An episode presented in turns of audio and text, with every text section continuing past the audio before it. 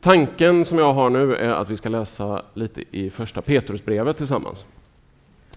Ni som har en bibel får gärna slå upp första Petrusbrevet. Vi ska börja i kapitel 2, vers 1. Ehm, och det ska jag läsa lite för er och så ska jag prata lite om det sen.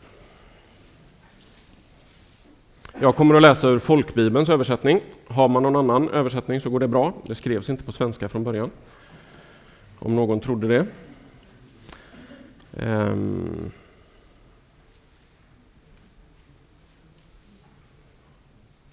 Första Petrus kapitel 2, vers 1.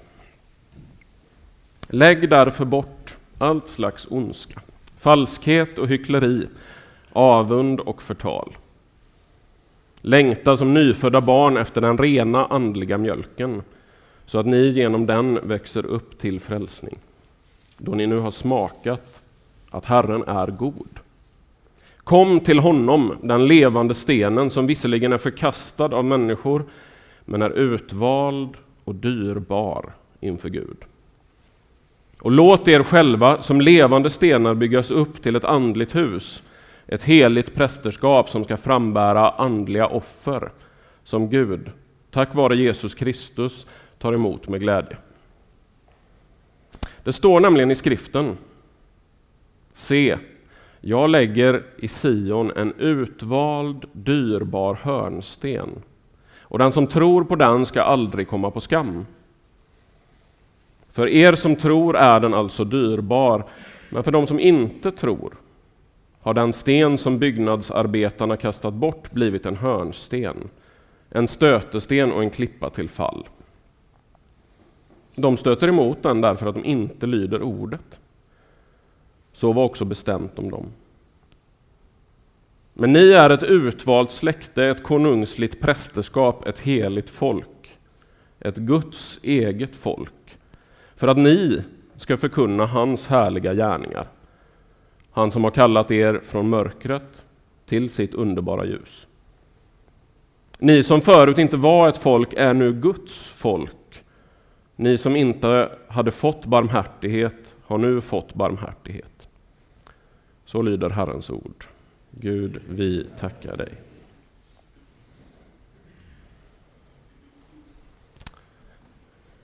Han har kallat er från mörker till ljus. Det är lite det som morgonbönen handlade om. Det har skett en transaktion, en förändring. För varje kristen finns det alltså ett före och ett efter. Och även för dig som har varit eller räknat dig som kristen hela livet så finns det ett före och ett efter därför att mörkret finns överallt i världen. Tittar du in i ditt eget hjärta kan du till och med hitta det där.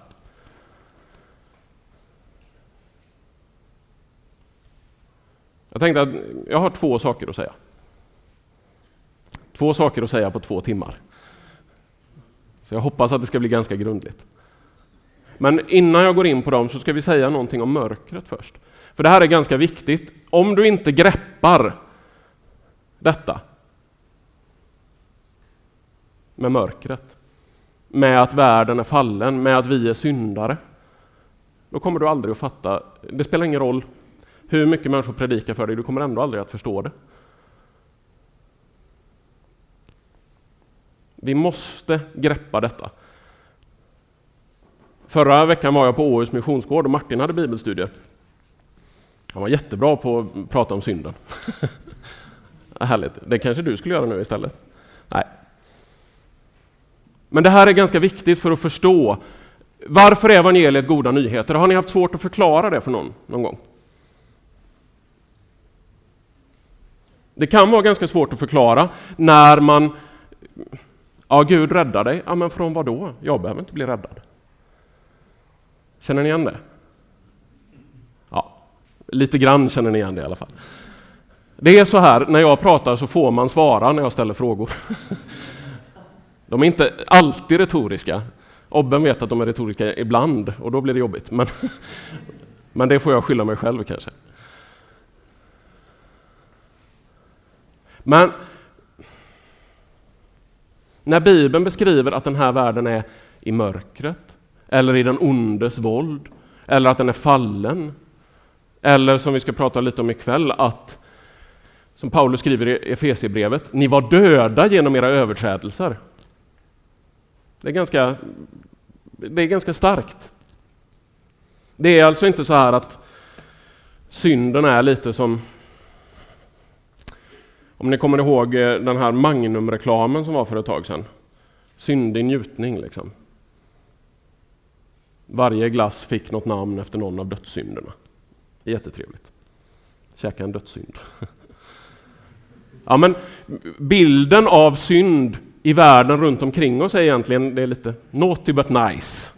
Det är egentligen rätt så trevligt att synda eh, så länge vi inte skadar någon annan. Men det är detta är inte Bibelns definition, defin, definition, definition på synd. Och det är ganska viktigt. Bibelns definition på synd, om vi greppar den, då fattar vi också, som vi fick höra på morgonbönen här, att vi verkligen är, det är på liv och död. Vi är, eh, vi är strandsatta på en ö och vi kommer att dö där, om det inte händer någonting. Vi är verkligen förlorade får, borttappade mynt. Vi, vi, bara något kort om det. Alltså, Petrus räknar upp lite här. Lägg därför bort allt slags ondska, falskhet och hyckleri, avund och förtal. Han förutsätter liksom att det här finns. Det är redan en del av ditt liv. Och för att då greppa varför så hela tiden, synd kopplas hela tiden in i relation till Gud.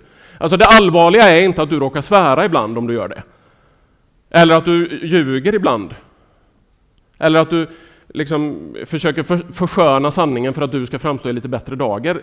Där är inte grundproblemet. Ingen av de sakerna är bra, men det är inte det som är grundproblemet. Grundproblemet är, har du liv från Gud eller inte?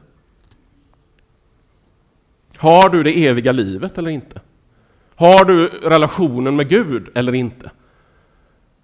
Och har du inte den, då sitter du i skiten, eh, fritt översatt. Och, alltså,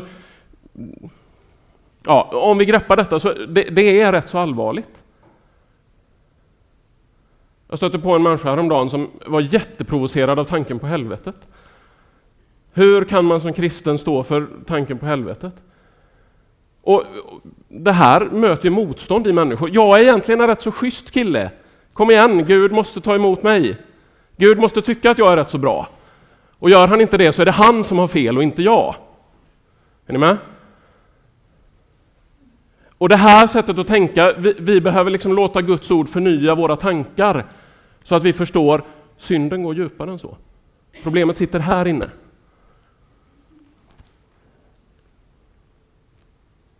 Och tills vi har löst det problemet så spelar det ingen roll hur mycket vi hyfsar till fasaden. Det är ju detta som är Jesu kritik av fariseerna. Han säger att ni är som vitkalkade gravar. De är jättefina att titta på på utsidan, men inuti är det bara döda ben. Sån är människan utan Gud. Sån var du innan du satte din tro till Jesus Kristus. För sån är din natur inne i hjärtat. Och Det här är liksom Bibelns undervisning om den fallna skapelsen, den gamla människan, Adam, köttet, den andliga döden. Det är därför Paulus kan skriva i Efesierbrevet att ni var döda. Inte bara för att ta det som någon metafor, utan du är verkligen andligt död om du är skild från Gud. Helvetet blir liksom bara konsekvensen av det i fortsättningen efter detta livet.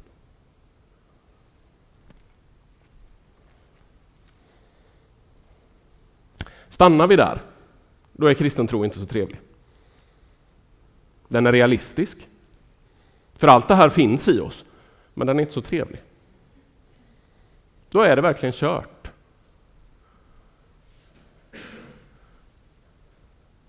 Men nu är Guds budskap till oss, det är att han vill något annat. Gud har en annan plan för sin skapelse Framförallt för dig och mig. För den här världen. Gud har en annan tanke. Och det är den som vi som kristna måste ha som vår, vår hjärtesak. Därför var det en fantastisk eh, morgonbön. Tackar för den. Vi måste komma ihåg att hålla det som är centrum i tron som vårt livs centrum.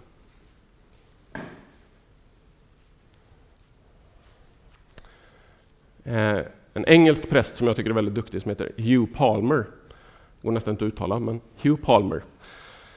Eh, han sammanfattar det ungefär så här. När, när kristna börjar bråka om olika saker eller har olika saker som konflikter, då blir det lätt att den här konflikten liksom blåses upp och så blir det allt annat överskuggande. Och då säger han så här. The main thing is to keep the main thing the main thing. Hängde ni med? The main thing, det viktigaste, is to keep the main thing, alltså det som är det viktigaste i budskapet, the main thing. Det viktigaste är att det viktigaste ska få vara viktigast på riktigt. Det här måste ligga rakt inne i ditt hjärta. Att gå från mörker till ljus. Från död till liv.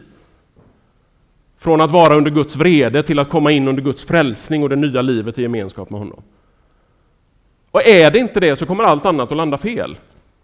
Det spelar ingen roll hur mycket vi kan Bibeln utan till. Om ni kan det. För det hjälper liksom inte om vi har missat det som är Bibelns själva hjärtefråga.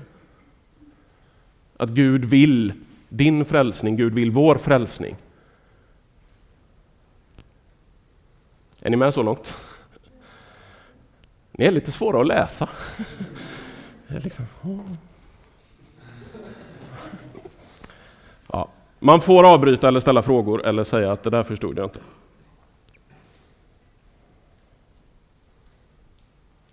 Vad ska vi göra då? Hur går vi vidare? Vad handlar det om egentligen? Det handlar om Jesus. Det kan man ha lite som ett skämt. Det är alltid rätt att svara Jesus när prästen frågar. Men det är på riktigt och på allvar. Om vi, om vi kan hålla det här samtidigt i huvudet, både hur mörkt mörkret är, hur allvarlig situationen är, och hur stort det är att Jesus kommer till oss, då greppar vi liksom hela evangeliet. För detta är Bibelns stora the main thing, det viktigaste. Gud vill ge dig sin frälsning.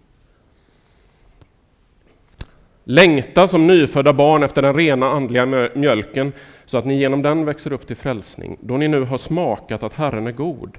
Kom till honom. Vem då? Jesus, givetvis. Det är alltid rätt att svara Jesus, sa jag ju. Om ni hoppar tillbaka, bara bläddrar en sida tillbaka i Bibeln, så hamnar ni i kapitel 1, vers 3. Petrus har liksom beskrivit det här innan. Allting är alltid ett sammanhang. Han, han börjar med det viktigaste.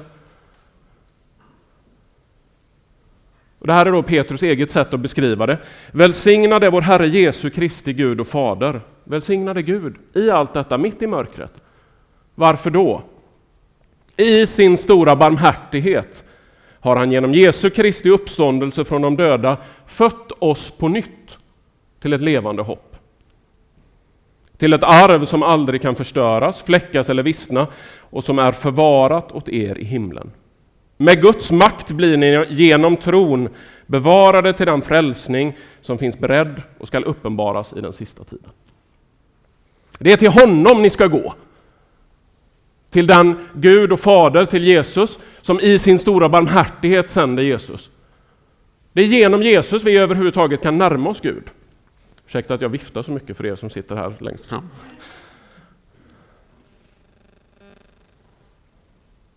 Det är på grund av Jesus som det där problemet kan lösas. Vi kan säga som kristna, jag är inte kvar i mörkret. Inte därför att jag inte brottas med ja, det som Petrus säger här att vi ska lägga bort. Ondska, falskhet, hyckleri, avund och förtal. Eller många andra synder. Utan därför att ljuset har kommit in i mitt liv. Jag är världens ljus, säger Jesus. Eller jag är uppståndelsen och livet. För den som var död så finns det liv i Kristus. Det är rätt så mäktigt. Och det här är inte bara något sån här allmänt liksom akademiskt eller sifferrytteri. Ni vet människor som... Vi har en kille i vår församling hemma som eh, säger man en match och ett datum så säger han vad resultatet var.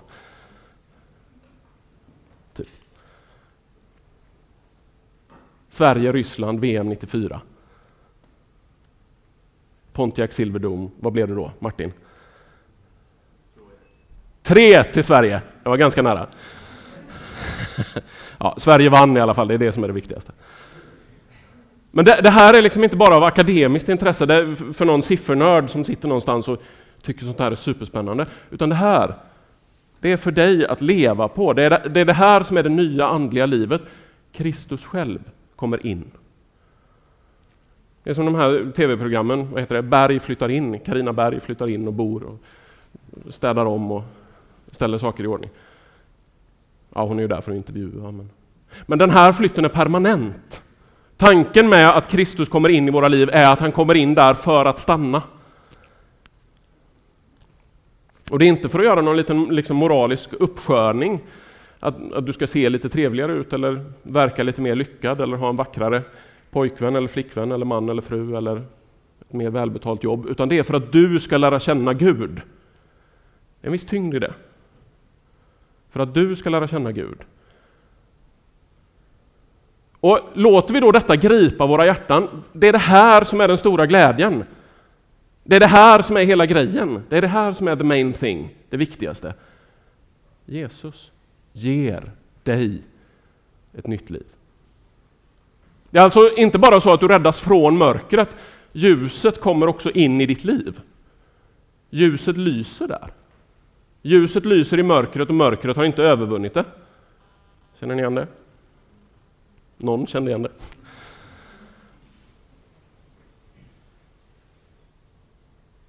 Det är alltså så att transaktionen förflyttar dig så att nu lever du tillsammans med Jesus. När du åkte hit till det här lägret. Eller på måndag morgon efter det här lägret. Eller om tre månader när du har glömt det här lägret. Eller ja, förhoppningsvis har du kanske inte glömt allt. Men Jesus är med hela tiden. Du är så att säga konstant uppkopplad på Gud om du lever i tron på Jesus.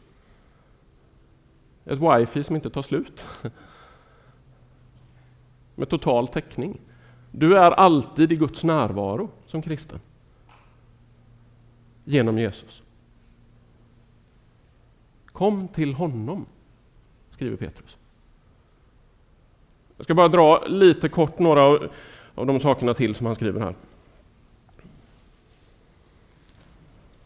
För det första så anger Petrus när detta sker. Eller när det skedde. I sin stora barmhärtighet har han genom Jesu Kristi uppståndelse från de döda fött oss på nytt till ett levande hopp. Du har ditt hopp inte i att du har besegrat mörkret eller att du själv har tänt ett ljus, utan där har du ditt hopp. Jesus har dött, Jesus har uppstått, Jesus har besegrat mörkret. Jesus har burit dig i sin egen kropp, han har dött för det. Men han har också uppstått, han har besegrat det. Det är Kristi seger över synd, djävulskap, ondska, död, över köttet i dig. Det är det som ger dig liv. Och det är detta som är vårt liv som kristna, det är detta som... Kom igen nu, anledningen att ni är här, den kan vara ganska många olika saker. Jag hoppas att den där snygga tjejen, killen, kompisen som är trevlig, vi ska ha kul. Ja, jag vet inte, listan kan göras ganska lång. Men Guds syfte med att ha dig här är att han vill att du ska växa in i detta. Jesu uppståndelse öppnar... Det är som Narnia. Häxan och lejonet. Så går Lucy in i garderoben. Hon ska bara gömma sig. Men när hon går in i garderoben så är det liksom ingen bortre, utan det är, det är dörren in i en ny värld. En ny värld öppnas för henne, och så är livet i tron. Du är inte längre bortkopplad från Gud. För Jesu uppståndelse gör att han faktiskt kan hålla det här löftet, jag är med er alla dagar till tidens slut. Jesu utgjutande av anden. Det innebär att Gud är med dig. Han ska ge dig kraft. Han ger tron näring. Han öppnar ordet för oss så vi kan förstå vad det handlar om. Han hjälper oss att se Jesus.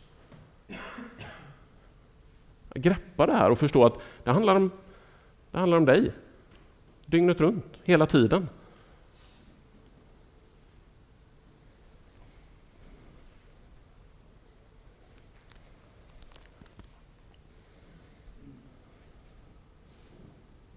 Så det första är Jesu uppståndelse är nyckeln.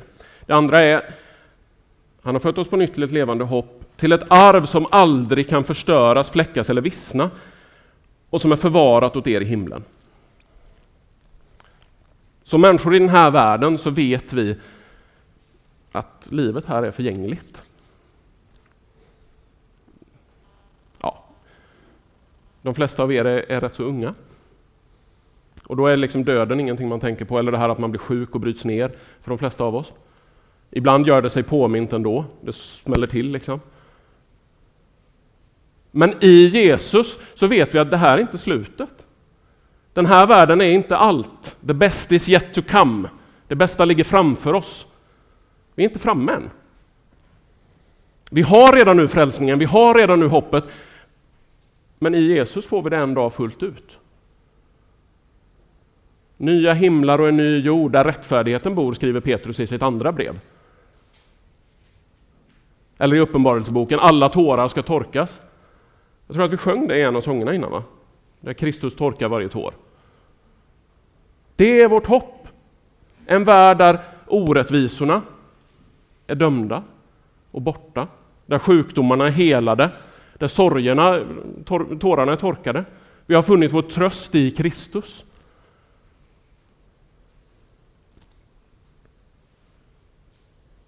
Det här är ganska viktigt.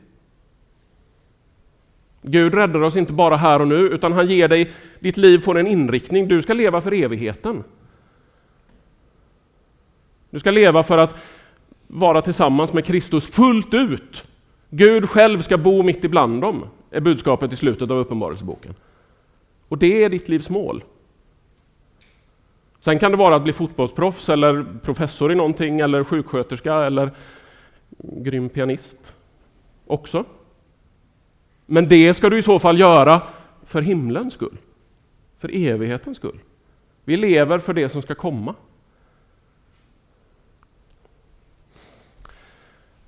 Om man tittar på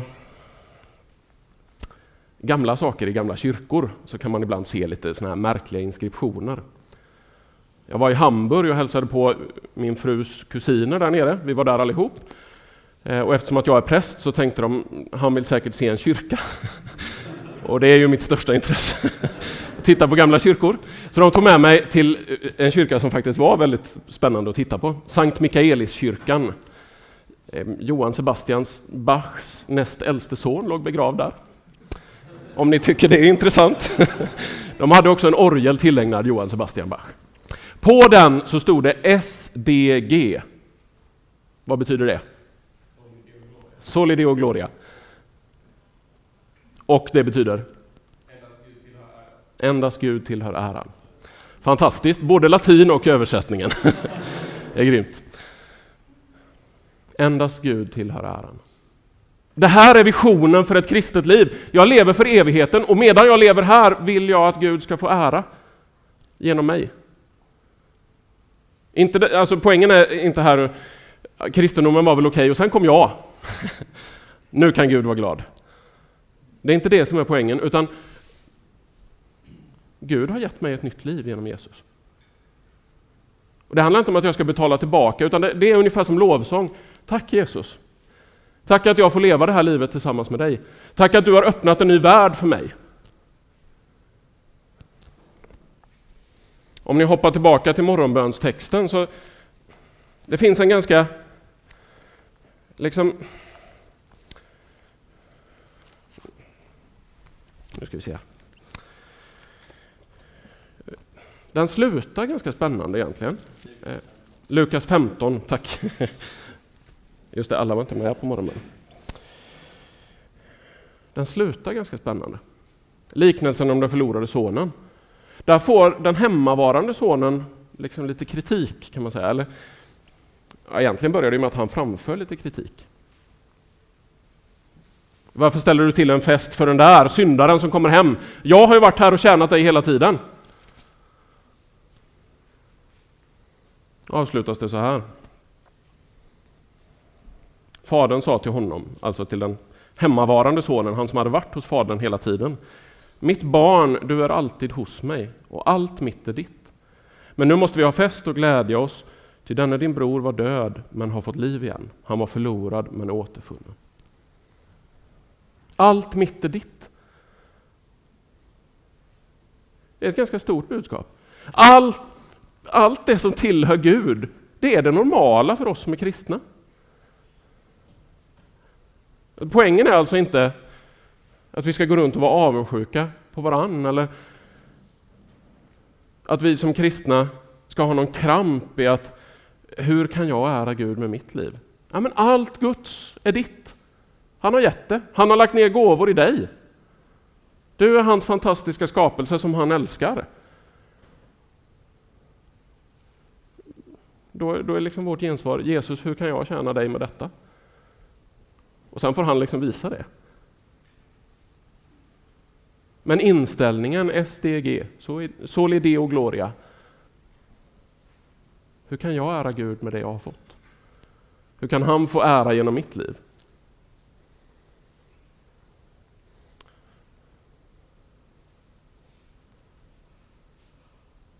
Och jag tror att vi, vi ska vara frimodiga. Som bröder och systrar, som kristna. Uppmuntra varandra. Hjälpa varandra att se detta. Du har fått en fantastisk gåva från Gud i ditt skägg, Gobben. Han lovade att profetera sen med profetskägget. Nej, det har han inte lovat. Förlåt, det är jag som hittar på.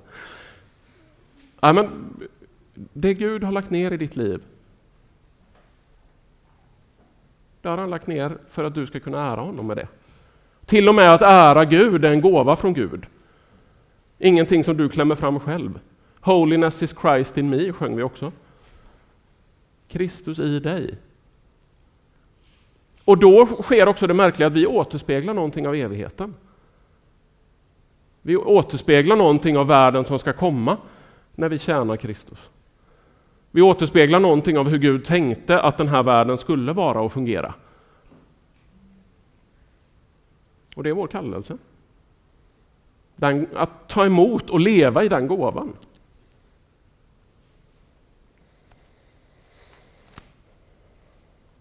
Det här tog lite längre tid än vad jag tänkte, så jag ska ta och snabba på lite grann. Det sista är vers 5 i kapitel 1. Nu är jag tillbaka i första Petrusbrevet om ni undrar. Med Guds makt blir ni genom tron bevarade till den frälsning som finns beredd och skall uppenbaras i den sista tiden.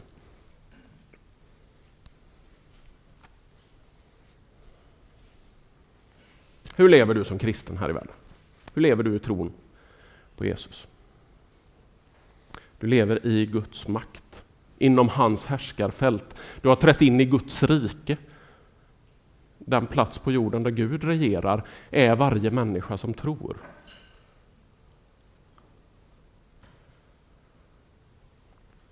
Vi tenderar att tänka att livet som kristen, det är inte Holiness is Christ in me eller Guds makt bevarar utan Jesus har frälst mig och nu ska jag göra det bästa av det. Nu ska jag visa att jag var värd att frälsas. Nu ska jag liksom klippa mig och skaffa ett jobb, ta mig i kragen, vara en duktig kristen. Men Gud börjar i andra änden istället. Genom Guds makt blir ni bevarade. Det är alltså Guds makt som är motorn i livet som kristen. Att Gud själv vill någonting med den här världen, med dig som kristen, med oss som hans församling. Det var inte du som kom på idén att du skulle vara kristen, det var Gud. Det var inte du som gjorde dig själv till Guds barn, det var han. Det är inte du som kommer att ta dig till himlen, det är han. Han tar dig dit. Han skapar det nya livet i dig nu. Och så hoppar vi över till kapitel 2 och så läser vi en gång till. Kom till honom. Lev i honom. Alltså, det kristna livet är hela tiden en, det, det, är som att orientera utifrån en kompassnål. Vi ska hela tiden hitta Kristusriktningen i våra liv. En kompassnål, oavsett hur man snurrar, så pekar ju alltid den åt norr, eller hur? Om den fungerar. En kristen kompassnål ska då liksom hela tiden, ditt liv ska hela tiden sträva efter att närma dig Kristus.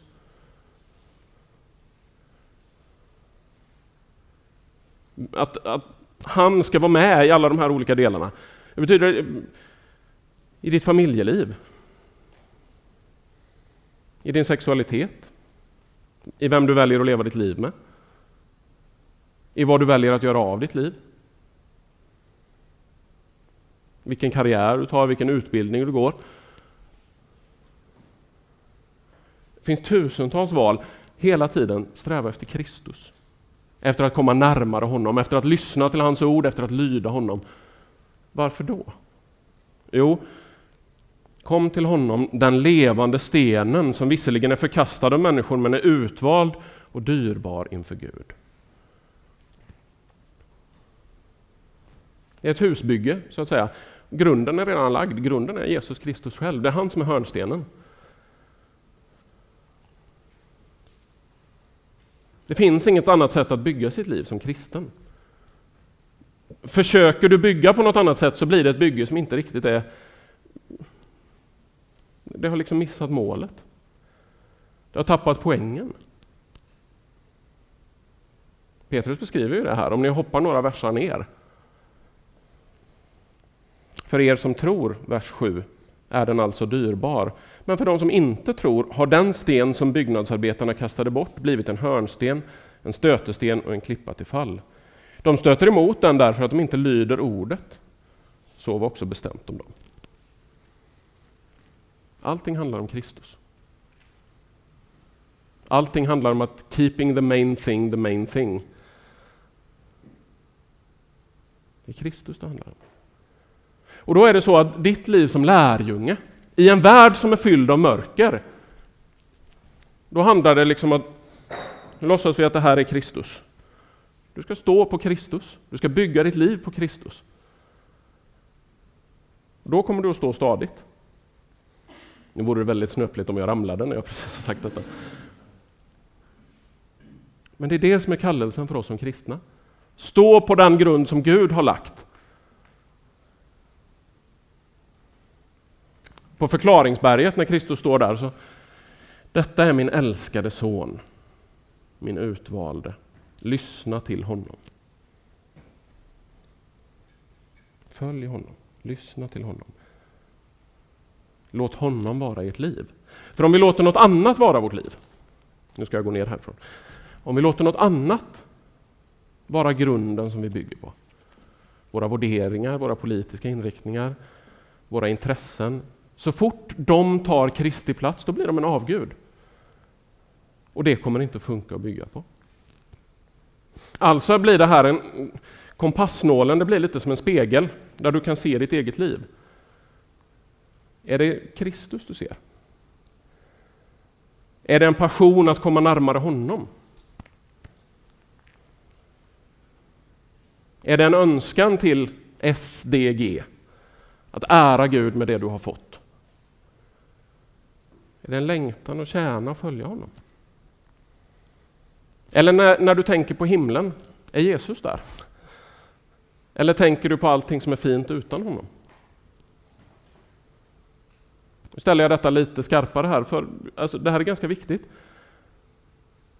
Gud vill visa oss hur värdefull Jesus Kristus är. Hur stort det livet vi har fått i honom är. Det är verkligen så, ingenting kan mäta sig med honom. Jag har sett några stycken sådana t-shirtar. In Christ alone my hope is found. Lysande sammanfattning. Att se storheten, makten, härligheten i Jesus. Att se frälsningen i honom, livet från honom. Den gåvan som Gud vill investera i ditt liv och lägga ner där. Då ska vi liksom inte byta ut den och ta något annat.